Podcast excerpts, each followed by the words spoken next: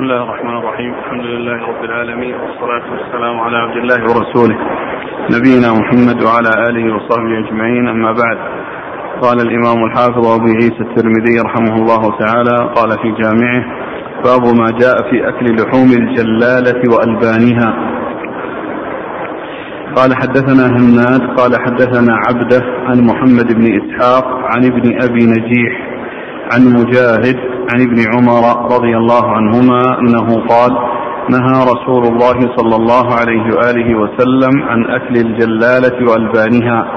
قال وفي الباب عن عبد الله بن عباس رضي الله عنهما. قال أبو عيسى هذا حديث حسن غريب. وروى الثوري عن ابن أبي نجيح عن مجاهد عن النبي صلى الله عليه وآله وسلم مرسلا. بسم الله الرحمن الرحيم. الحمد لله رب العالمين وصلى الله وسلم وبارك على عبده ورسوله نبينا محمد وعلى آله وأصحابه أجمعين. أما بعد فيقول الإمام أبو عيسى الترمذي رحمه الله في جامع باب النهي عن لحم الجلاله والبانها آه الجلالة هي الدابة التي تأكل العذرة وتأكل النجاسات فلا يؤكل لحمها ولا يشرب لبنها حتى يذهب عنها أثر النجاسة. وذلك بأن تعلف فإن علفا طيبا وتمنع من الحصول على النجاسة التي تأكلها. وتؤكل آه، طعاما طيبا فإذا ذهب عن جسمها ما كان حصل له بسبب أكل النجاسة وطاب لحمها وطاب لبنها فإنه عند ذلك يستعمل. وقبل ذلك فإنه داخل تحت هذا النهي الذي جاء في حديث عبد الله بن عمر رضي الله تعالى عنهما نهى رسول الله صلى الله عليه وسلم عن أكل لحوم الجلالة وألبانها والجلالة كما عرفنا هي التي تأكل الجلة وهي البعر وهي البعرة والمقصود من ذلك العذرة وهي الأشياء النجسة ك يعني عذرة الآدمي وكذلك عذرة ما لا يؤكل لحمه كالحمير وغير ذلك فإن أكل ذلك وهو الذي يؤثر نجاسة على الجسم الذي على الجسم الذي يأكله من الدواب. نعم. قال حدثنا هناد هناد بن السري أبو السري ثقة أخرجه البخاري في خلق افعال العباد ومسلم وأصحاب السنة عن عبده. عبده بن سليمان ثقة أخرجه أصحاب الكتب الستة. عن محمد بن إسحاق. عن محمد بن إسحاق وهو صدوق أخرجه البخاري تعليقا مسلم وأصحاب السنة عن ابن أبي نجيح. ابن أبي نجيح هو عبد الله وهو؟ ثقة أخرجه أصحاب الكتب. نعم. عن مجاهد.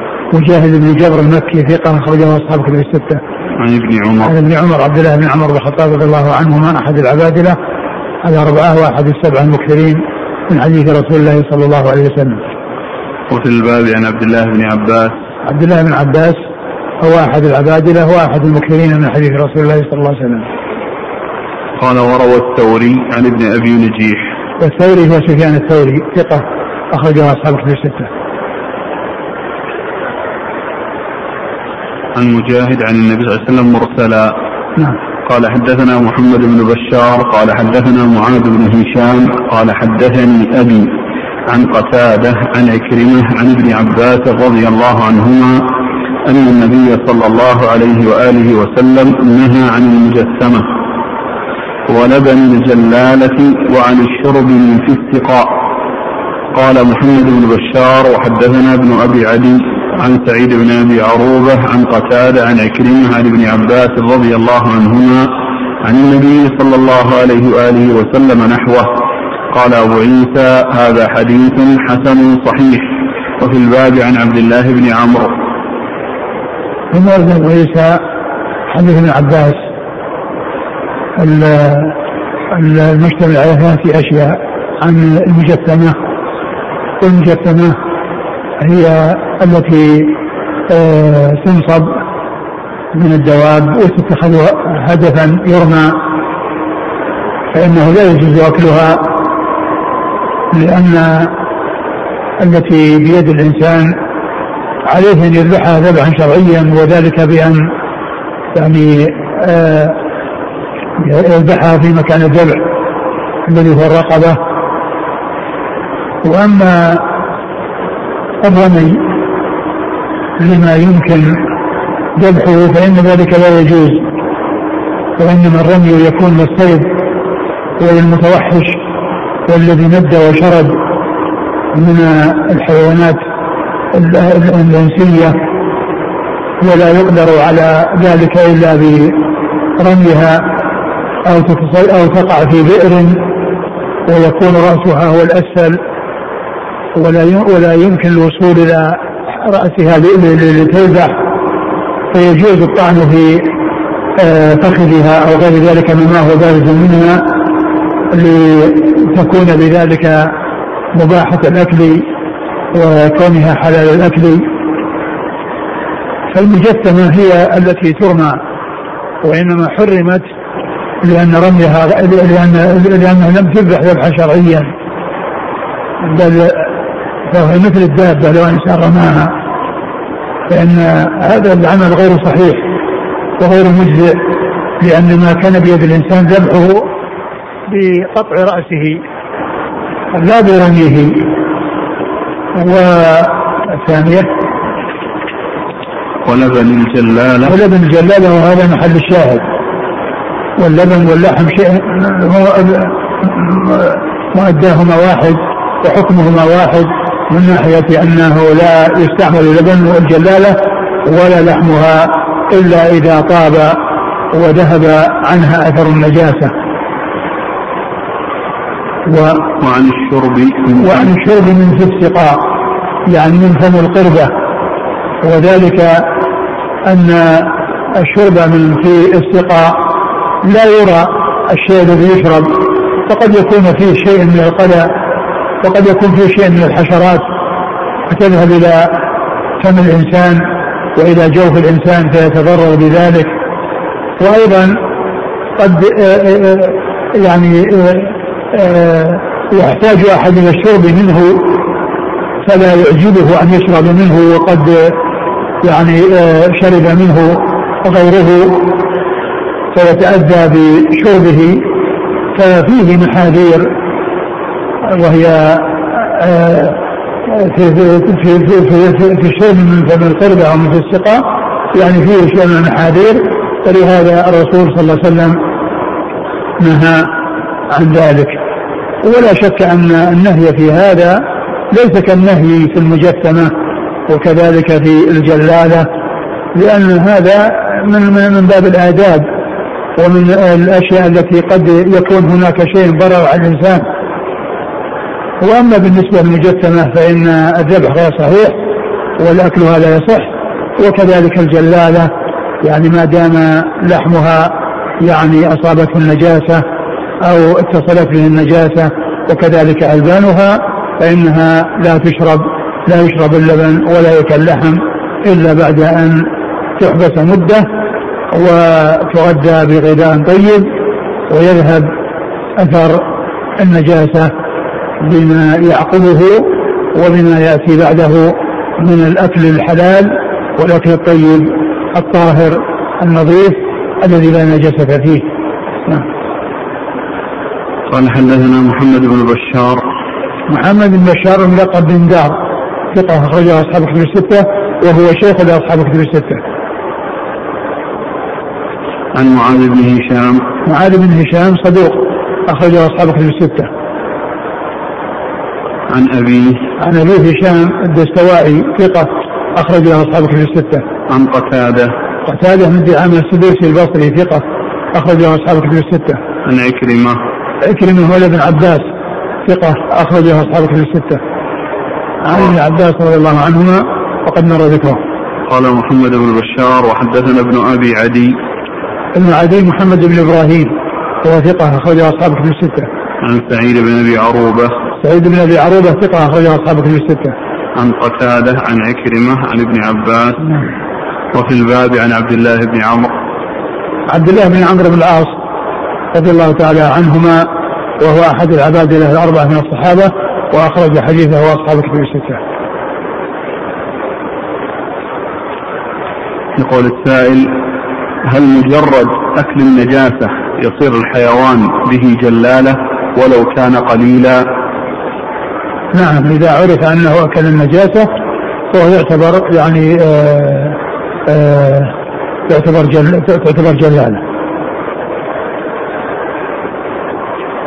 كم المدة التي تحبس؟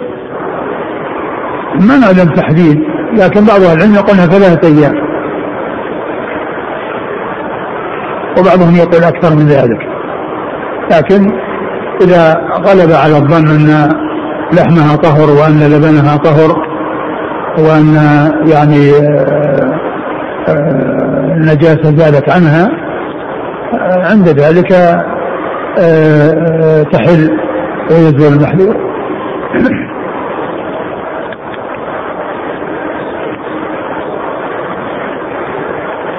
يقول شاة كانت ترضع من أتان.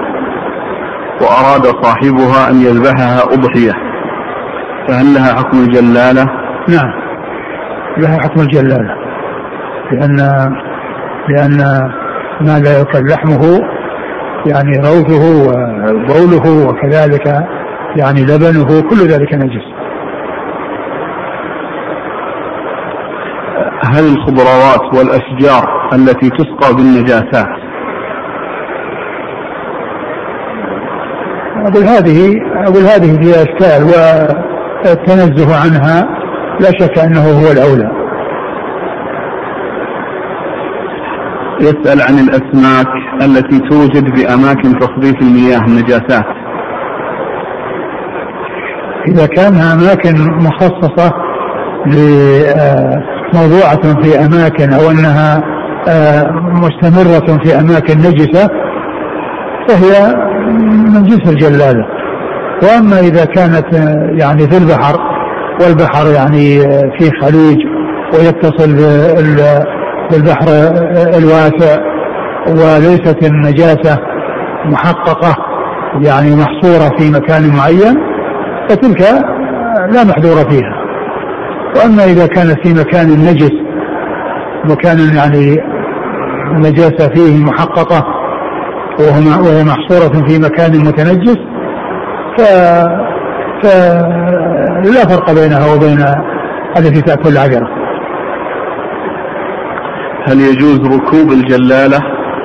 جاء في بعض الأحاديث يعني عند أبي داود أن الرسول نهى عن ركوب الجلالة وعن ألبانها وعن لحمها وهذا يعني إذا كان يعني متصل بالجسم. أما إذا كان غير متصل بالجسم فإن المحذور يزول. يعني إذا كان فيه فاصل يعني أو أو فيه رحل أو فيه يعني شيء لا يعني يصل إلى جسم الجلالة فإنه في في ذلك لا يدخل تحت النهي.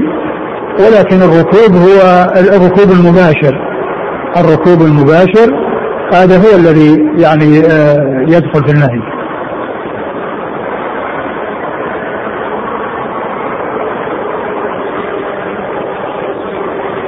هل الجلالة خاصة ببهيمة الأنعام؟ معلوم أن ليس خاصة بهيمة الأنعام حتى غيرها حتى غير بهيمة الأنعام. إذا كان يعني معروف أنها يعني تأكل النجاسات فلا تختص بهيمة الأنعام. جاء عدد من الأسئلة بالنسبة للدجاج. أنه ربما خالط الطعام شيء من النجاسات. الطعام يعني كما هو معلوم الذي تأكله إذا لم يكن يعني شيئا نجسا وليس يعني آه، آه، من العذرة أو, آه، أو أنه يعني يعني شيء قدر أو ما إلى ذلك لا تأكل يعني كونه قدر أو وصف يعني وغير نظيف وإنما المحذور هو في يعني في مثل العذرة ومثل الأشياء التي هي نجسة. يعني نجاسة محققة. وأما الأشياء القذرة والاشياء التي هي غير نظيفة والأشياء التي هي يعني مستكرهة وأكلتها فإنها لا تؤثر لأنها ما دام أنها ليست عذرة وليست النجاسة محققة. بالنسبة للنهي عن الشرب من فيه السقاء إذا انتفت العلة آه، في علة النهي عن الشرب من فيه السقاء بأن يكون شفافا يرى ما بداخله وكان هذا خاصا بالشارب دون غيره. ما في بأس إذا كان مثل مثل مثل ما هو موجود الآن يعني قوارير يعني كل قارورة مثلا فيها ماء وتوزع على الناس وكل واحد يشرب يعني شيء يخصه ما في بس لأن في هذا ليس فيه يعني أولا المحذور الذي هو قد يكون فيه يعني شيء يصل إلى جوفه ويؤذيه من من من خشاش أو من قلاء وكذلك أيضا يعني ما في أحد يعني يشرب بعده فيتأثر بذلك. مثل هذا لا بأس له لأن هذا شيء محصور والفائدة المضرة فيه منتفية و فلا محذور فيه. مثل توزيع مثلا قوارير. على الناس فيها ماء والإنسان يشرب يعني حاجته مثل القارورة لا بأس بذلك. قال رحمه الله تعالى باب ما جاء في أكل الدجاج. قال حدثنا زيد بن أخزم الطائي. قال حدثنا أبو قتيبة عن أبي العوام عن قتادة عن زهد الجرمي. قال دخلت على أبي موسى رضي الله عنه وهو يأكل دجاجة. فقال أدن فكل فإني رأيت رسول الله صلى الله عليه وآله وسلم يأكله. قال أبو عيسى هذا حديث حسن وقد روي هذا الحديث من غير وجه عن زهدم ولا نعرفه إلا من حديث زهدم وأبو العوام هو عمران القطان.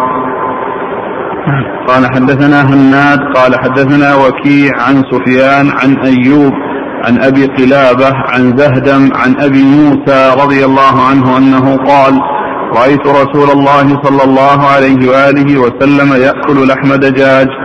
قال وفي الحديث كلام أكثر من هذا وهذا حديث حسن صحيح. وقد روى أيوب السختياني هذا الحديث أيضا عن القاسم التميمي وعن أبي قلابة عن زهدم. ثم أبو عيسى رحمه الله ترجم باب في أكل الدجاج. نعم. باب في أكل الدجاج. أي أنه مما أحله الله عز وجل وهو من الطيبات. وقد أكله الرسول صلى الله عليه وسلم فهو مما أحله الله عز وجل. وقد روى أبو عيسى حديث أبي موسى الأشعري رضي الله عنه أنه رأى عليه وسلم يأكل يأكل دجاجة. وفي يعني رواية أخرى أنه كان يأكله أي الدجاج. وهذا يدل على حله وعلى إباحته وأنه مما أحله الله لأن الرسول الكريم صلى الله عليه وسلم أكله عليه الصلاة والسلام. نعم. قال حدثنا زيد بن أخزم الطائي هو؟ ثقة أخرج البخاري وأصحاب السنن. نعم. عن أبي قتيبة. أبي قتيبة هو سلم بن قتيبة الشعيري وهو ثقة أخرجه البخاري وأصحاب السنن. صدوق. صدوق. أخرجه البخاري وأصحاب السنن عن أبي العوام. أبي العوام وهو عمران وهو عمران القطان. نعم. وهو صدوق, صدوق أخرج له. البخاري تعليقا وأصحاب السنن نعم. عن قتادة عن زهد بن الجرمي زهد بن الجرمي هو ثقة أخرج البخاري ومسلم والترمذي والنسائي. نعم. عن أبي موسى. أبو موسى الأشعري عبد الله بن قيس رضي الله عنه أخرج له أصحاب كتب الستة. قال حدثنا هناد عن وكيع. وكيع بن الجراح الرؤاسي الكوفي ثقة أخرج أصحاب كتب الستة. عن سفيان سفيان هو الثوري ثقة أخرج أصحاب كتب الستة. عن أيوب وإذا جاء وكيع يروي عن سفيان فالمراد به الثوري. نعم. عن أيوب بن أبي تميم السختياني ثقة أخرج أصحاب أصحاب كتب الستة. عن أبي قلابة أبو قلابة عبد الله بن زيد الجرمي وهو ثقة أخرجه أصحاب كتب الستة. عن زهدم عن أبي موسى. وروى أبو أيوب وروى أيوب السختياني هذا الحديث أيضا عن القاسم التميمي القاسم القاسم بن عاصم التميمي وهو مقبول أخرجه البخاري ومسلم وأبو داود في المراسيل والترمذي في الشمائل والنسائي. نعم.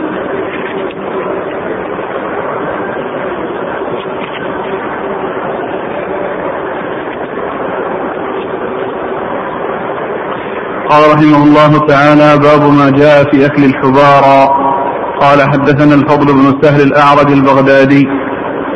قال حدثنا إبراهيم بن عبد الرحمن بن مهدي عن إبراهيم بن عمر بن سفينة عن أبيه عن جده رضي الله عنه أنه قال أكلت مع رسول الله صلى الله عليه وآله وسلم لحم حبارى قال أبو عيسى هذا حديث غريب لا نعرفه إلا من هذا الوجه.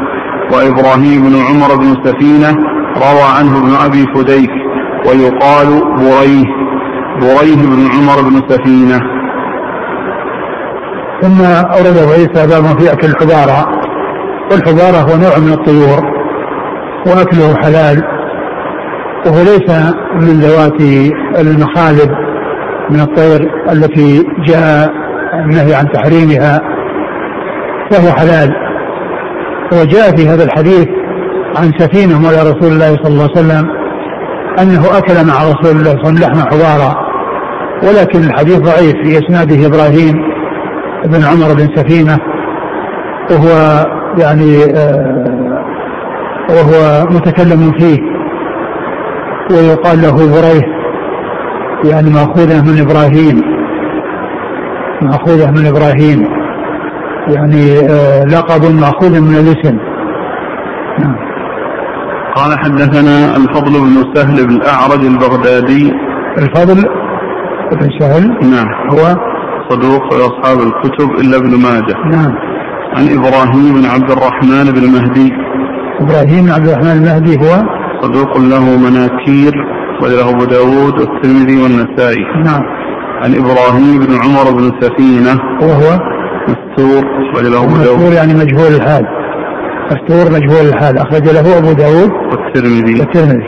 عن أبيه عن أبيه هو عمر بن سفينة وهو صدوق. وله أبو داود والترمذي. نعم. عن جده. عن جده سفينة مولى رسول الله صلى الله عليه وسلم. أخرج له مسلم وأصحاب السنن. نعم.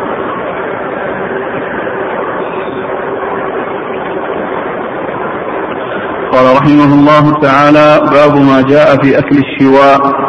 قال حدثنا الحسن بن محمد الزعفراني قال حدثنا حجاج بن محمد قال قال ابن جريج أخبرني محمد بن يوسف أن عطاء بن يسار أخبره أن أم سلمة رضي الله عنها أخبرته أنها قربت إلى رسول الله صلى الله عليه وآله وسلم جنبا مشويا فأكل منه. ثم قام إلى الصلاة وما توضأ. قال وفي الباب عن عبد الله بن الحارث والمغيرة وأبي رافع رضي الله عنهم. قال أبو عيسى هذا حديث حسن صحيح غريب من هذا الوجه.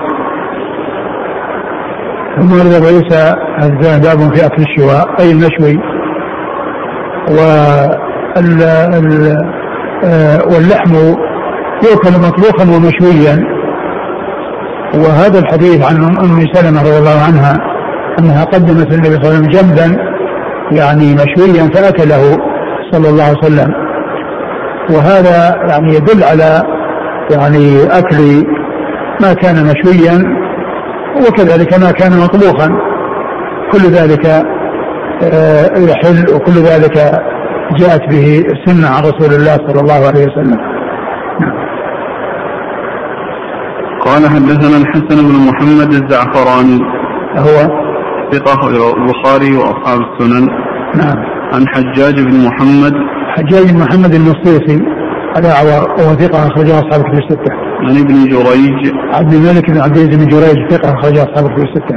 عن محمد بن يوسف وهو الكندي وهو ثقة البخاري ومسلم والترمذي والنسائي. نعم. عن عطاء بن يسار وهو ثقة أخرجه أصحاب الكتب الستة. عن أم سلمة. عن أم سلمة هم بنت أبي أمية أم المؤمنين رضي الله عنها أخرج لها أصحاب الكتب الستة. قالت قربت إلى رسول الله صلى الله عليه وسلم جنبا مشويا فأكل منه ثم قام إلى الصلاة وما توضأ. نعم إنه لا ينقض الوضوء وهذا في غير لحم الإبل لأن لحم الإبل جاء فيه يعني آه، حديث خاصة يعني قولية. تدل على أنه يتوضأ منه كما جاء في الحديث سئل عن الوضوء من لحم الإبل فقال توضأوا وسئل عن الوضوء من لحم الإبل فقال إن شئتم. فهو يدل على الوضوء يدل على أن الوضوء يكون من لحم الإبل وأما غيرها فإنه لا يتوضأ منه. وكان وقد جاءت الأحاديث في ذلك متعارضة لكن ثبتت السنة أن آخر الأمرين من رسول الله صلى الله عليه وسلم ترك الوضوء من مسة النار. آخر الأمرين من رسول الله صلى الله عليه وسلم ترك الوضوء من مسة النار. وهذا يدل على ما دل عليه هذا الحديث لأنه قام ولم يتوضأ. وهذا مما كان منه في آخر الأمر هو ترك الوضوء من مسة النار. وأما الإبل فقد جاء فيها آه، يعني شيء يخصها و آه، والحديث فيه التفريق بينها وبين الغنم. حيث أمر بالوضوء من لحم الإبل ولم يأمر بالوضوء من لحم الغنم بل قال إن شئتم. قال في الباب عن عبد الله بن الحارث. عبد الله بن الحارث ابن ابن عبد الله بن الحارث بن نوفل بن الحارث عن المطلب وهو رجل أبو داود والترمذي بن ماجه. نعم وهو له رؤية. نعم. نعم. والمغيرة. والمغيرة بن شعبة أخرجه أصحاب في الستة. وأبي رافع. وأبو رافع رضي الله عنه أخرج له. أصحاب الكتب. نعم. يقول السائل هل يجوز أن يأكل الإنسان اللحم دون أن يطبخ أو أن يشوى؟ إذا كان ما يتضرر بذلك ولا يحصل منه ضرر يجوز. يعني أما إذا كان يصيبه ضرر فلا يجوز. قال رحمه الله تعالى باب ما جاء في كراهية الأكل متكئا. قال حدثنا قتيبة. قال حدثنا شريك عن علي بن الأقمر عن أبي جحيفة رضي الله عنه أنه قال قال رسول الله صلى الله عليه وعلى آله وسلم أما أنا فلا آكل متكئا. قال وفي الباب عن علي وعبد الله بن عمرو وعبد الله بن عباس رضي الله عنهم قال أبو عيسى هذا حديث حسن صحيح. لا نعرفه إلا من حديث علي بن الأقمر. وروى زكريا بن أبي زائدة وسفيان الثوري وابن وابن سعيد. وإيش وابن سعيد. وسفيان الثوري وابن سعيد. سفيان الثوري وابن سعيد؟ إيه. مع أن الطبع هذا ما في هذه الكلمة. سفيان ما في هذه الكلمة في طبعة طبعة مشهور. وسفيان الثوري وغير واحد. يعني كلمة ابن سعيد زائدة أي نعم. أو أو أنها مؤخرة. سفيان بن سعيد نعم. الثوري. يمكن. أقول يمكن. يعني أنها مؤخرة عن تقديم. سفيان بن سعيد الثوري. نعم. أو أنها زائدة يعني إذا إذا كان الثوري سفيان الثوري. آه هو معروف بها. لكن قد تكون مؤخرة وروى زكريا بن أبي زايده وسفيان الثوري وغير واحد عن علي بن الأقمر هذا الحديث. وروى شعبة عن سفيان الثوري هذا الحديث عن علي بن الأقمر. ثم روى أبو عيسى باب في الأكل متكئا كراهية الأكل متكئا باب في كراهية الأكل متكئا الاتكاء عند الأكل آه، له معنيان. فسر بأنه آه، التمايل على جنبه وأن يكون متكئا على يعني آه، يعني متمايلا على أحد شقيه معتمدا على شيء. وكذلك أيضا فسر بالتربع أن يأكل متربعا لأن هذا يعني يعني فيه التوسع في الأكل وفيه النهامة في الأكل. ف يعني جاءت السنة بالنهي عن ذلك أو بكراهية ذلك فيكون كل من الأمرين يعني كونه يأكل متمايلا على أحد شقيه أو يكون متربعا لأنه فسر الاتكاء بهذا وبهذا يعني فيما يتعلق بال فيما يتعلق بالأكل الاتكاء بالأكل فسر بهذا وبهذا. والاتكاء يعني في غير الأكل جاء في التمايل وذلك في حديث الذي فيه النبي صلى الله عليه وسلم يعني كان متكئا فجلس فقال ألا وقول الزور ألا وشهاده الزور فما زال يكررها حتى قلنا ليته سكت. يعني كان متكئا يعني متمايلا على أحد شقيه ثم إنه ترك ذلك تلك الهيئة التي كان عليها وجلس وصار يكرر هذه الكلمة التي في تعظيم شهادة الزور وبيان خطرها قول الزور وشهادة الزور. وكان متكئا فجلس. فاذا بالنسبة للأكل فسر بهذا وبهذا. نعم. قال حدثنا قتيبة. قتيبة بن سعيد ثقة أخرج أصحاب كتب الستة. عن شريك. شريك بن عبد الله النخعي الكوفي صدوق اختلط بالموي القضاء و... وهو يخطئ كثيرا وحديث أخرجه البخاري تعليقا ومسلم وأصحاب السنة. عن علي وعلي بن الأقمر ثقة أخرجه أصحاب كتب الستة. عن أبي جحيفة وأبو جحيفة وهذا بن عبد الله السوائي رضي الله عنه أخرجه أصحاب كتب الستة وهذا الإسناد من الرباعيات وهي من أعلى الأسانيد عند الترمذي. قال وفي الباب عن علي علي بن أبي طالب أمير المؤمنين ورابع الخلفاء الراشدين الهاديين المهديين صاحب المناقب الجنة والفضائل الكثيرة وحديثه عند أصحاب الكتب الستة. وروى زكريا بن أبي زائدة زكريا بن أبي زايده ثقة أخرج أصحاب الكتب الستة. وسفيان الثوري نعم. وغير واحد عن علي عن علي بن أقمر هذا الحديث وروى شعبة عن سفيان الثوري هذا الحديث عن علي بن الأقمر وشعبة هو الحجاج الواسطي أخرج أصحاب الكتب الستة. هل يدخل آه، في النهي كذلك الشرب متكئا والله الذي يبدو أن معناه مادهما واحد. والكراهة نعم. والكراهة تحمل تحمل على التنزيه.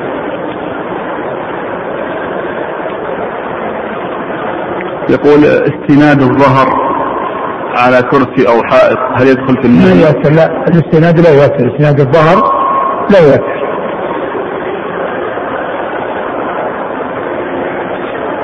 قوله صلى الله عليه وسلم أما أنا فلا آكل متكئا. يعني أن هذا من صفاته ومن شمائله عليه الصلاة والسلام. لأنه الاخ وهو القدوة. وهو القدوة لأمته عليه الصلاة والسلام. هل صحت جنسه معينة خاصة عن النبي صلى الله عليه وسلم في أكله؟ يعني جاء أنه كان يعني يكون محفوظا يعني الذي هو يعني كونه يعني جلس على مقعدته ونصب ساقيه فتكون يعني فخذاه متصلة ببطنه وهذا يكون فيه تقليل الأكل وعدم الاكثار منه يعني حيث يعني يكون آه، فخذاه متصلة ببطنه ويعني آه، آه، متصلة به. فيه يعني آه، الإشعار والدلالة على قلة الأكل والنهام والنهمة في الأكل.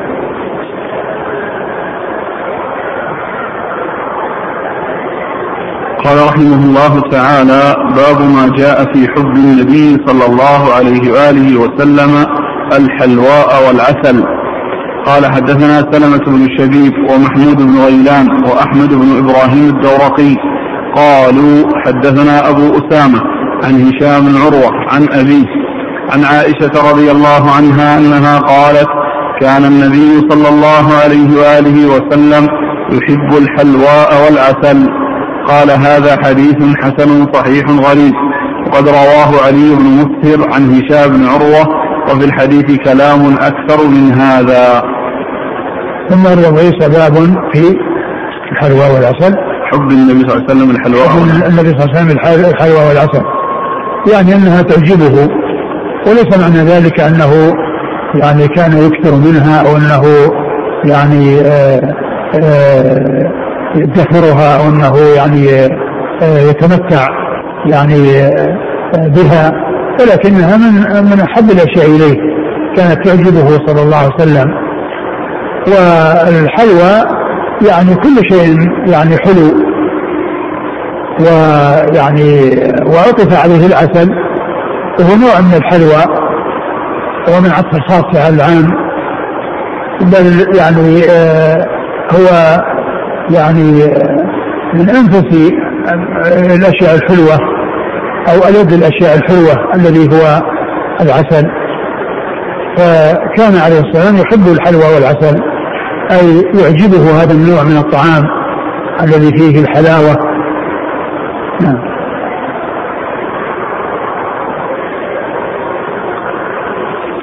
قال حدثنا سلمة بن شبيب. هو؟ ثقة له مسلم وأصحاب السنن. ومحمود بن غيلان. ثقة أخرج أصحاب الكتب الستة إلا أبا داود. وأحمد بن إبراهيم الدورقي. وأحمد بن إبراهيم الدورقي ثقة أخرج له. مسلم وأبو داود والترمذي وابن ماجه. نعم. عن أبي أسامة. أبو أسامة حماد بن أسامة ثقة أخرج أصحاب الكتب الستة. عن هشام بن عروة. هو ثقة أخرج أصحاب الكتب الستة. عن أبيه وعروة ثقة فقيه أخرج أصحاب الكتب الستة. عن عائشة. عن عائشة أم المؤمنين رضي الله عنها وأرضاها الصديقة بنت الصديق وهي ممن أكثر رواية عن رسول الله صلى الله عليه وسلم. وقد رواه علي بن مسهر علي بن مسهر ثقة أخرج أصحاب الكتب الستة. عن هشام بن عروة في الحداء وفي الحديث كلام أكثر من هذا. يعني من هذا مختصر. يعني الترمذي يعني يفيد أن الحديث مطول ولكنه اختصره قال رحمه الله تعالى باب ما جاء في إكثار ماء المرقة قال حدثنا محمد بن عمر بن علي المقدمي قال حدثنا مسلم بن إبراهيم قال حدثنا محمد بن فضاء قال حدثني أبي عن علقمة بن عبد الله المزني عن أبيه رضي الله عنه أنه قال قال النبي صلى الله عليه وآله وسلم إذا اشترى أحدكم لحما فليكثر مرقته فإن لم يجد لحما أصاب مرقة وهو أحد اللحمين. وفي الباب عن أبي ذر رضي الله عنه قال أبو عيسى هذا حديث غريب لا نعرفه إلا من هذا الوجه من حديث محمد بن فضاء. ومحمد بن فضاء هو المعبر وقد تكلم فيه سلمان بن حرب وعلقمة بن عبد الله هو أخو بكر بن عبد الله المزني. قال حدثنا الحسين بن علي بن الأسود البغدادي قال حدثنا عمرو بن محمد العنقزي. قال حدثنا إسرائيل عن صالح بن رستم أبي عامر الخزاز عن أبي عمران الجوني عن عبد الله بن الصامت عن أبي ذر رضي الله عنه أنه قال قال رسول الله صلى الله عليه وآله وسلم لا يحقرن أحدكم شيئا من المعروف وإن لم يجد فليلقى أخاه بوجه طلق وإن اشتريت لحما أو طبخت قدرا فأكثر مرقته واغرف لجارك منه. قال أبو عيسى هذا حديث حسن صحيح وقد روى شعبة عن أبي, أبي عمران الجوني. ثم رد أبو عيسى هذا ترجمة باب في إكثار ماء المرقة. أو في إكثار ماء المرقة. يعني عند طبخ اللحم آه، يكون ماءه كثيرا فيكون المرق بذلك كثيرا يعني حيث يكثر الماء عند طبخ اللحم يكون بذلك كثرة المرق. وكثرة المرق من أجل أن يستفاد منه بأن يعطى, يعطى الجيران ويعطى من يناسب أن يعطى حيث لا يمكن الإعطاء من اللحم. لقلته ولندرته ولكنه مع ذلك آه، حيث لا يمكن أن يزود من يراد تزويده من اللحم فإنه وإن كان اللحم قليلا يكثر المرق ويطعم الجار وغير الجار من ذلك المرق الذي فيه أثر اللحم والذي هو متحلل من اللحم. وقد ورد أبو عيسى الحديث الأول حديث آه أبي آه عبد الله بن حديث عبد الله بن سنان. حديث عبد الله بن سنان رضي الله عنه أن النبي صلى الله عليه وسلم قال إذا اشترى أحدكم لحما فليكثر مرقته. إذا اشترى أحدكم لحما فالمقصود أنه إذا حصل على اللحم. وليس بلازم أن يكون على عن الشراء بل قد يكون عن الشراء عن طريق الإعطاء أو ما إلى ذلك. وإنما ذكر الشراء لأنه هو الغالب يعني أن الأشياء تحصل في الغالب في الشراء. وإلا فإنها قد تحصل بدون شراء. كان يصل الإنسان هدية أو ما إلى ذلك وبدون شراء لكن عبر بالشراء لكونها الغالب في حصول الأشياء تكون عن طريقه. فإن لم يعني يجد فليكثر. فإن لم يجد لحما أصاب مرقة. فإن لم يجد لحما أصاب مرقة. وهو أحد اللحمين. وهو أحد اللحمين يعني المرق أحد اللحمين لأنه وإن لم يكن لحما إلا أنه يعني متحلل من اللحم ويعني يعني خارج من اللحم. ففيه يعني أثر اللحم وفيه طعم اللحم. يعني حيث لا يمكن اللحم فإنه يمكن أن يعوض عنه بمرقه. يعوض عنه بمرقه قال وهو أحد اللحمين يعني أنه كانه لحم لأنه جزء لأنه متحلب منه يعني آه، خارج منه ويعني فيكون شبيه به بحيث لا يمكن اللحم فإنه يمكن الإحسان والإعطاء لغير اللحم الذي هو المرق والحديث في إسناده محمد بن فضاء وأبوه فهو فهو يعني ضعيف وأبوه مجهول. نعم. الحديث الثاني عن أبي ذر. وحديث أبي ذر قال لا يحقرن أحدكم شيئا من المعروف وإن لم يجد فليلقى أخاه بوجه طلق. لا يحقرن أحد أحد شيئا من المعروف ولو أن ولو أن يلقى أخاه بوجه طلق. يعني إذا ما حصل أنه يحسن إليه ويكشفه ويزوده بما ينفعه فلا أقل من أن يلقاه بوجه طلق وب يعني بشر. وهذا من جنس قوله صلى الله عليه وسلم آه، اتقوا النار ولو بشق تمرة فمن لم يجد فبكلمة فبكلمة طيبة. يعني معنى ذلك أنه إذا ما حصل منه أنه يعني يحسن ويعطي ولو كان الشيء قليلا فإنه يعني يأتي بكلام طيب و آه، آه، كلام حسن يعني اعتذار لعدم تمكنه ويكون كلاما حسنا. وهنا قال لا يحقر المعروف شيئا بأن يبذل في غيره في جيرانه أو غيرهم من ما يتحفون به ويسلم لهم ويعطون إياه. ومن لم يجد ف ومن وإلا ف يعني يلقاه بوجه طلق. يعني يعامله معاملة طيبة ويظهر له البشر والسرور. نعم.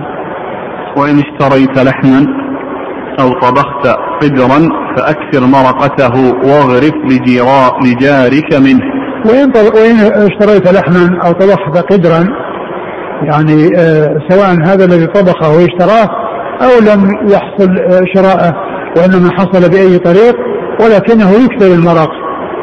يكثر المرق يعني يكثر الماء الذي يكون به المرق بطبخه آه، اللحم به فيكون مرقا ويغرف لجاره أو لجيرانه من ذلك حيث لا يمكن إحصال الشيء تحصيل الشيء التام والشيء الكامل فإنه لا يترك الشيء القليل أو الشيء اليسير لعدم التمكن من الكثير.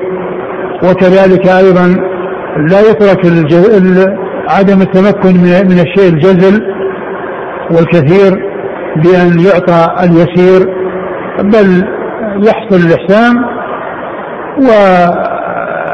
وعلى حسب الحال إن أمكن من الشيء النفيس الذي هو اللحم كذاك وإن لم يمكن فإنه آه، يأتي أو يعمل هذه الطريقة التي فيها الإحسان ولو كان بالشيء اليسير الذي هو المرق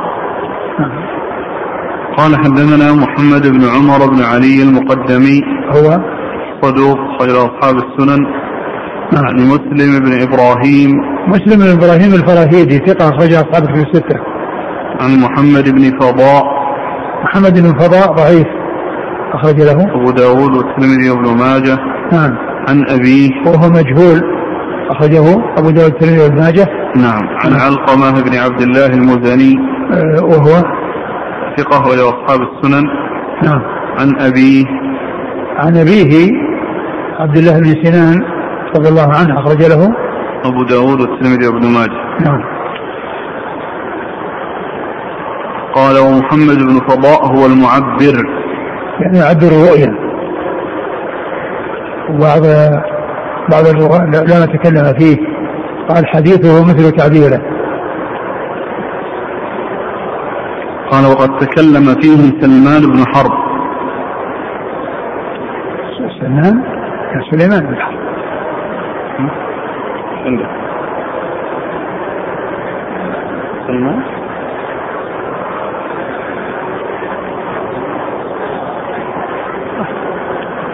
نسخة مشهور ونسخة بشار كلها سلمان. سلمان؟ سلمان. في سلمان؟ شوف في سلمان. شوف التقرير سلمان. والمعروف سليمان بن حرب الذي هو شيخ شيخ الترمذي وشيخ البخاري؟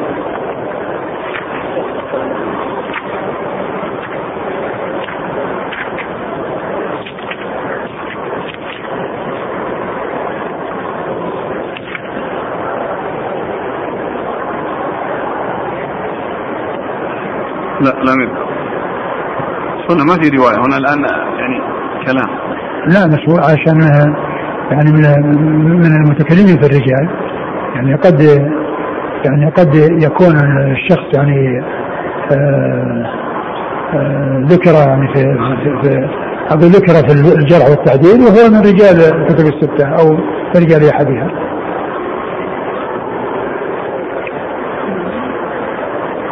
المشهورة. هو سليمان بن حرب هو الذي يأتي ذكر كثيرا أما سليمان بن حرب هذا ما ما ما, ما يعني سمعت أو يعني مر بي شيء من هذا.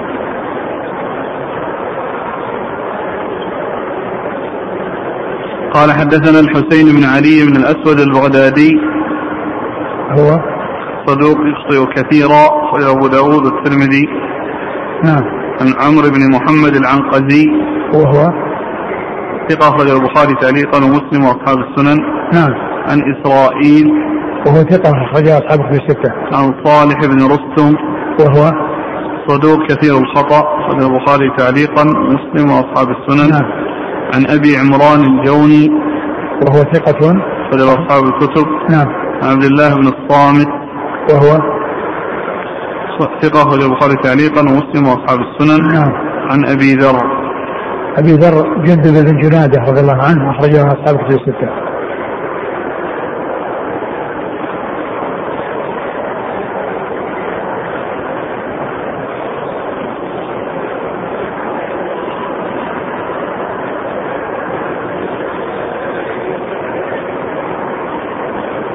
يقول آه، إذا كان اللحم لحم إبل فهل يفهم من هذا الحديث أن المرق ينقض الوضوء؟ لا ما ينقض لأنه ليس بلحم.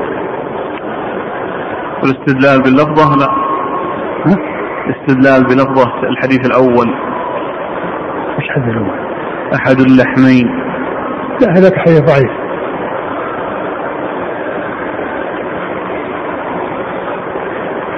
قال رحمه الله تعالى باب ما جاء في فضل الثريد قال حدثنا محمد بن المثنى قال حدثنا محمد بن جعفر قال حدثنا شعبة عن عمرو بن مرة عن مرة الهمداني عن أبي موسى رضي الله عنه عن النبي صلى الله عليه وآله وسلم أنه قال كمل من الرجال كثير ولم يكمل من النساء إلا مريم ابنة عمران وآسية امرأة فرعون وفضل عائشة على النساء كفضل الثريد على سائر الطعام. قال وفي الباب عن عائشة وأنس رضي الله عنهما قال أبو عيسى هذا حديث حسن صحيح. ثم أبو عيسى باب في فضل الثريد. والثريد هو الخبز الذي يعني بل يعني في يعني في مرق اللحم أو كان معه اللحم. فهذا هو الثريد. وهو من أنفس الطعام عندهم. والنبي صلى الله عليه وسلم بين يعني آه، فضله وميزته على الطعام وأن عائشة رضي الله عنها وأرضاها يعني آه، فضلها على النساء كفضل الثريد على سائر الطعام كفضل الثريد على سائر الطعام وهذا يبين فضل عائشة رضي الله عنها وأرضاها. وقد أورد أبو عيسى هذا الحديث كمل من الرجال كثير ولم يكمل من النساء إلا مريم ابنة عمران وآسية التي هي زوجة فرعون. ثم قال وخير عائشة على النساء كفضل الثريد على سائر الطعام. وقوله كمل يعني أنهم بلغوا الكمال يعني آه، الكمال الكمال كمال الإنسان الذين كملوا من الناس وبلغوا الكمال. ولا شك أن في مقدمتهم الرسل عليهم الصلاة والسلام وكذلك أيضا الصديقين الصديقون وكذلك الصالحون والشهداء فإن هؤلاء آه، يدخلون تحت يعني هذا النص. وأما النساء فلم يكمل منهن إلا يعني في الأمم السابقة الا إلا إلا, إلا مريم بنت عمران وآسيا التي هي زوجة آه، فرعون. آه،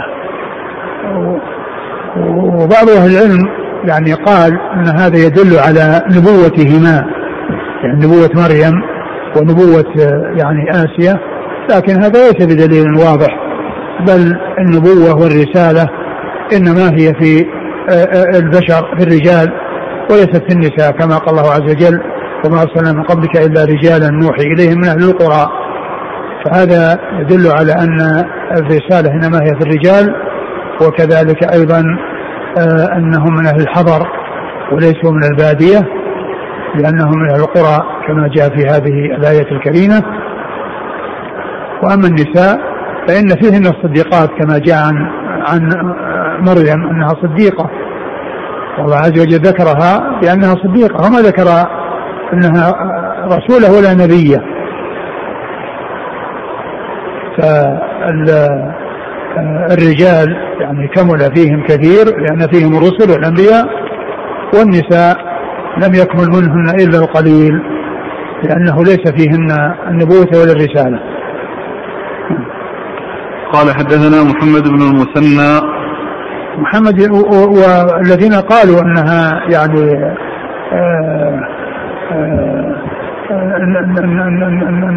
أنها نبية. يعني قالوا انه يعني جاء الإيحاء وانه ذكر فيها الإيحاء ومعلوم أن الإيحاء يعني يكون بإلقاء شيء في, النفس وإلقاء شيء في القلب. والله عز وجل يلقي ذلك حتى في الحيوانات مثل ما قال وأوحى ربك للنحل أن اتخذ يعني ألهمها بأن تفعل هذا الفعل.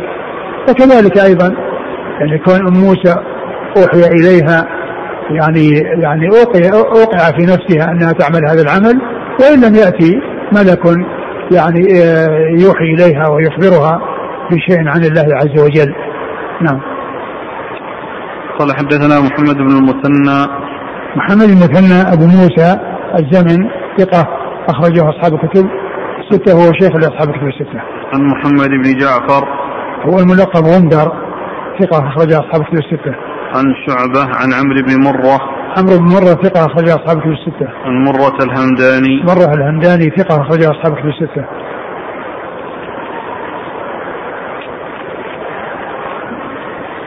قال رحمه الله تعالى باب ما جاء أنه قال انهسوا اللحم نهسا قال حدثنا أحمد بن منيع قال حدثنا سفيان عن عبد الكريم عن عبد الله بن الحارث قال زوجني أبي فدعا أناسا فيهم صفوان بن أمية رضي الله عنه فقال إن رسول الله صلى الله عليه وآله وسلم قال انهسوا اللحم نهسا فإنه أهنأ وأمرأ قال وفي الباب عن عائشة وأبي هريرة رضي الله عنهما قال أبو عيسى وهذا حديث لا نعرفه إلا من حديث عبد الكريم وقد تكلم بعض أهل العلم في عبد الكريم المعلم منهم أيوب السختياني من قبل حفظه.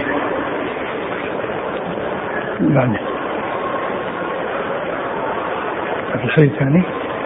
باب؟ لا في الباب ما فيه. باب ما جاء عن النبي صلى الله عليه وسلم من الرخصة في قطع اللحم بالسكين. ثم ورد أبو عيسى هذه الترجمة باب في نهس اللحم. والنهس هي أخذه بالأسنان. النهس بالنهس اللحم أي أخذه بالأسنان. يعني وهذا يعني معنى ذلك أن أن أن, أن لا يكون فيه تكبر ويعني تعاظم بأنه ما يحصل من هذا الشيء أن كونه ينهس بأسنانه أو أن هذا يعني من الأشياء التي لا تليق ولا تنبغي. بل هذا مما يعني مما هو سائر. والرسول صلى الله عليه وسلم كان يفعل ذلك. و وقد أورد أبو عيسى في هذا في, في هذا الباب حديثا ضعيفا لأنه من رواية عبد الكريم بن أبو بن أبو المخارق وهو المعلم وهو ضعيف. فيعني هذا الإسناد أو هذا الحديث بهذا الإسناد غير ثابت لأن فيه رجل ضعيف وهو عبد الكريم بن ابن ابي المخارق الذي هو ابن ابن أمية وهو المعلم. نعم. قال حدثنا أحمد بن منيع. وقال إنه أهنى وأمرأ. يعني أهنى يعني في الأكل وأمرأ في الهضم. والحديث يعني كما عرفنا في إسناده آه، ابن أبي المخالف نعم. عن؟ أولا أحمد بن منيع. أحمد بن منيع ثقة أخرج أصحاب الكتب الستة. عن سفيان.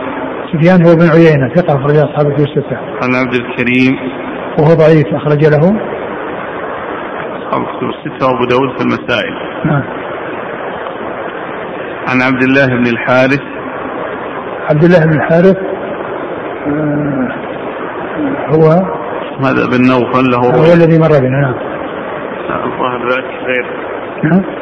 الأول ذاك اللي في الباب هو عبد الله بن الحارث بن جز هذا هذا بن نوفل.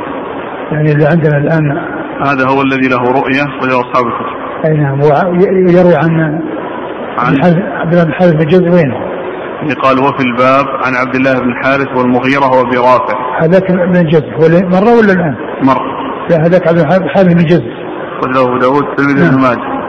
وهذا عبد الله بن حارث بن نوفل. نعم هذا الذي له رؤية. وأما عبد الحارث بن حارث بن جزء هو صحابي وهذا له رؤية نعم. أخرج له. أصحاب الكتب. نعم. عن صفوان بن أمية. صفوان بن أمية أخرج له. قال تعليقا ومسلم وأصحاب السنن. نعم. قال رحمه الله تعالى باب ما جاء عن النبي صلى الله عليه وسلم من الرخصة في قطع اللحم بالسكين. قال حدثنا محمد بن غيلان قال حدثنا عبد الرزاق قال أخبرنا معمر عن الزهري عن جعفر بن عمرو بن أمية الضمري عن أبيه رضي الله عنه أنه رأى النبي صلى الله عليه وآله وسلم احتز من كتف شاه فأكل منها ثم مضى إلى الصلاة ولم يتوضأ. قال أبو عيسى هذا حديث حسن صحيح وفي الباب عن المغيرة بن شعبة.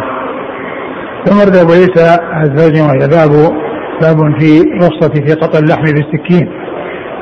يعني أن ذلك سائغ وأنه لا بأس به. والرسول صلى الله عليه وسلم فعله كما جاء في هذا الحديث أنه كان احتز من كتف شاة يعني قطع وقطع اللحم بالسكين قد يحتاج إليه فيما إذا كان اللحم حارا وأنه يعني يصعب يعني قطعه باليد ويحتاج فيه إلى السكين. ويحتاج فيه إلى السكين لحرارته وعدم القدرة على مباشرته باليد فتستعمل السكين لذلك. و وقد تستعمل لغير الحرارة أيضا يعني كون الإنسان يعني يريد أنه يعني آه، يقطع يعني فيها لا بأس بذلك. وقد أورد في ذلك أبو عيسى هذا الحديث أن النبي صلى الله عليه وسلم احتز من كتف شاة ثم قام و وصلى ولم يتوضأ. نعم. ثم قام وصلى ولم يتوضأ. هذا مثل مثل الذي مر في ذكر الشاة أو الكتف الشاة الذي كان مشويا وأن الرسول أكل منه ثم خرج يعني ولم يتوضأ. وذلك أن آخر الأمرين من رسول الله صلى الله عليه وسلم ترك الوضوء مما مست النار. نعم. قال حدثنا محمود بن غيلان عن عبد الرزاق عبد الرزاق بن همام الصنعاني ثقة أخرجه أصحاب في الستة. عن معمر. معمر بن راشد الأزدي البصري ثم اليماني ثقة أخرجه أصحاب في الستة. عن الزهري. الزهري محمد بن مسلم بن عبيد الله بن شهاب ثقة أخرجه أصحاب في الستة. عن جعفر بن عمرو بن أمية وهو؟ ثقة أخرج أصحاب الكتب إلا أبا داود. وأبوه صحابي أخرج له. أصحاب الكتب. نعم. وفي الباب عن المغيرة بن شعبة. قال رحمه الله تعالى باب ما جاء في أي اللحم كان أحب إلى رسول الله صلى الله عليه وآله وسلم. قال حدثنا واصل بن عبد الأعلى قال حدثنا محمد بن فضيل عن أبي حيان التيمي عن أبي زرعة عن أبي هريرة رضي الله عنه أنه قال أتي النبي صلى الله عليه وآله وسلم بلحم فرفع إليه الذراع وكانت تعجبه فنهس منها. قال وفي الباب عن ابن مسعود وعائشة وعبد الله بن جعفر وأبي عبيدة رضي الله عنهم. قال أبو عيسى هذا حديث حسن صحيح. وأبو حيان اسمه يحيى بن سعيد بن حيان. وأبو زرعة بن عمرو بن جرير اسمه هرم. ثم أبو عيسى هذه الترجمة وهي باب أي اللحم أحب إلى رسول الله صلى الله عليه وسلم. أي أي اللحم يعني من الشاة. يعني أي عضو من أعضاء الشاة. أحب إلى رسوله صلى الله عليه وسلم. وأحب شيء إليه هو الذي يعجبه هو الذراع. وقد أورد أبو عيسى هذا الحديث. قال عن أبي هريرة اتي النبي صلى الله عليه وسلم بلحم فرفع إليه الذراع. أتي أصلا بلحم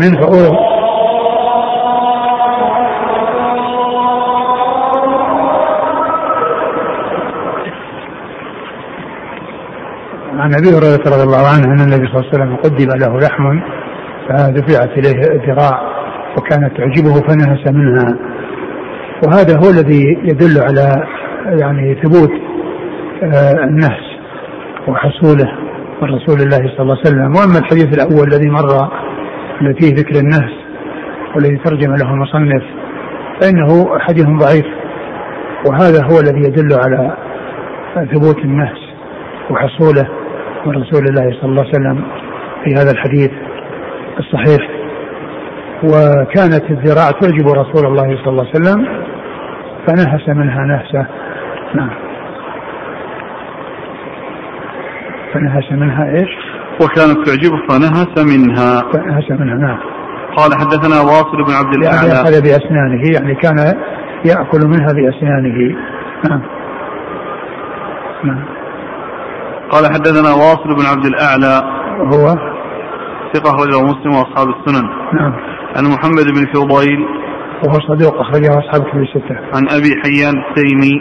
وهو يحيى وهو يحيى بن سعيد التيمي وهو ثقة اخرج له أصحاب كتب الستة وهو في طبقة أتباع التابعين في طبقة التابعين طبقة صغار التابعين مثل يحيى بن سعيد الأنصاري. و وهما في طبقة واحدة وكل منهما يقال له يحيى بن سعيد. والذين يعني في الكتب يعني والمال يسمى يحيى بن سعيد أربعة. اثنان في طبقة واثنان في طبقة.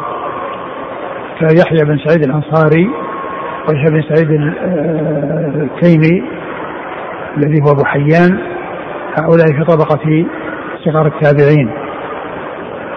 وطبقة واثنان في طبقة متأخرة وهم طبقة شيوخ شيوخ الترمذي وهم يحيى بن سعيد القطان ويحيى بن سعيد الأموي فهؤلاء أربعة يقال لهم يحيى بن سعيد وهذا النوع يسمى في علم المصطلح المتفق والمختلف وأن تتفق أسماء الرواة وأسماء آبائهم وتختلف أشخاصهم.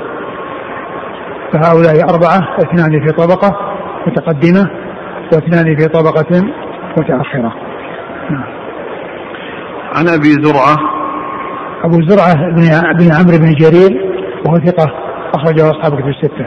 عن أبي هريرة. عن أبي هريرة رضي الله عنه مر ذكره. وفي الباب عن ابن مسعود.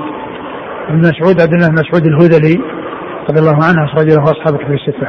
وعائشة وعبد الله بن جعفر. وعبد الله بن جعفر أخرج له أصحاب الكتب الستة. وأبي عبيدة. وأبو عبيدة بن الجراح أخرجه أصحاب الكتب الستة قال حدثنا الحسن بن محمد الزعفراني قال حدثنا يحيى بن عباد أبو عباد قال حدثنا فليح بن سليمان.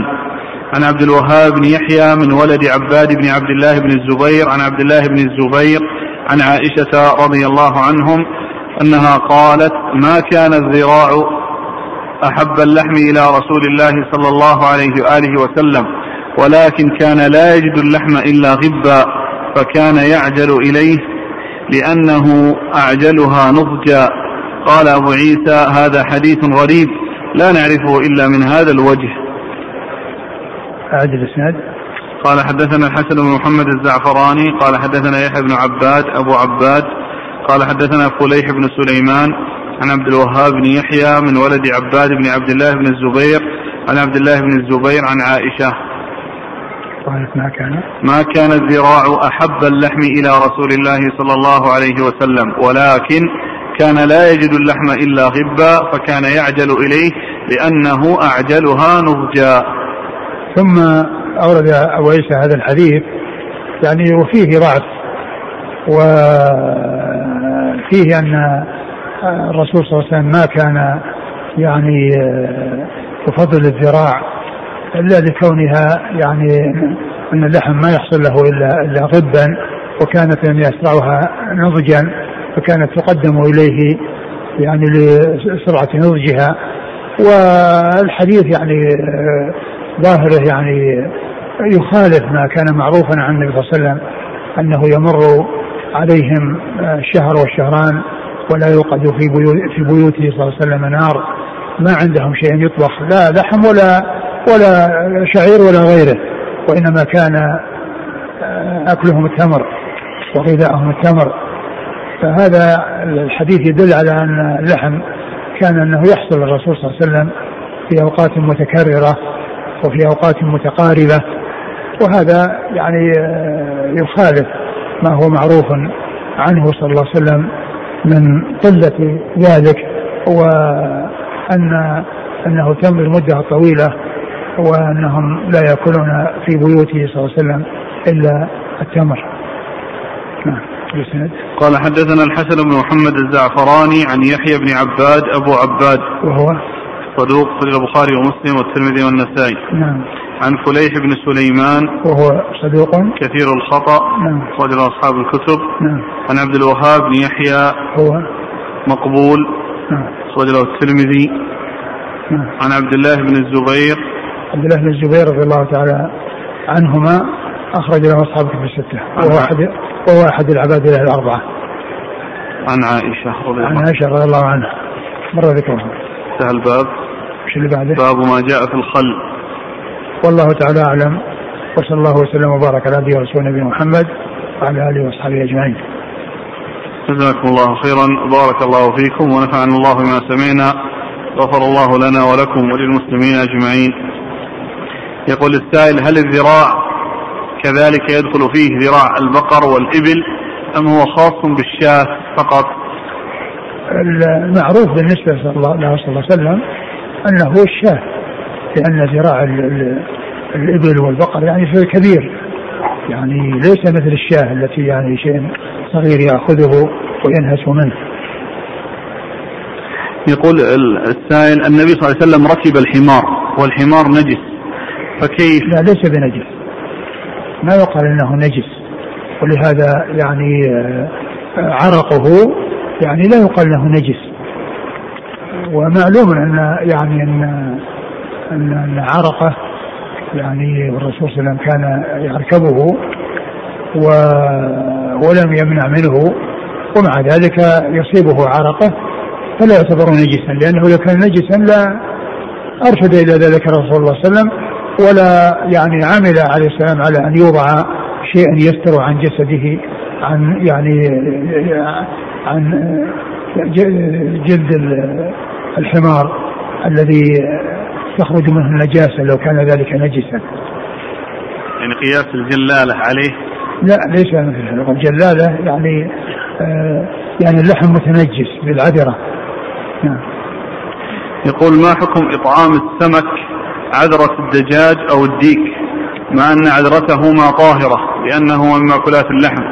فهل هذا السمك يعتبر جلالة؟ وهذا يقول موجود. لا الشيء الذي الذي يعني هو مأكول اللحم آه، لحمه مأكول لا يعتبر يعني آه، لا يعتبر يعني رجيعه يعني نجسا. وإنما الذي يعتبر رجيع نجس مثل الآدمي ومثل الحمر والبغال وما إلى ذلك. الأخ يقول العلف في هذه الأيام في بعض الشركات يكون خليط من مخلفات الذبائح من دم وأمعاء وغيره من السبن ثم يعاد صناعته ومعالجته بالمواد الكيماوية وهذه المواد تساعد على سرعة نمو الحيوانات من دجاج وغيرها فما حكمه؟ إذا كان إذا كان هذا اللحم أو الذي يحصل يعني من ميتات أو من الحيوان الميت فإنه لا يجوز لأن الميتة يعني نجسة ولا يجوز يعني يعني إطعامها لا لا لا للإنسان ولا للحيوان. يعني فالدجاج إذا كان يعلف يعني ب يعني شيء نجس من الميتات فإنه لا يجوز. وأما إذا كان يعني أشياء ليست نجسة يعني وإنما هي من الأشياء التي قد يكون فيها قذارة ولكنها ليست من النجاسة في شيء فإن هذا لا يؤثر. جزاكم الله خيرا. سبحانك اللهم وبحمدك أشهد أن لا إله إلا أنت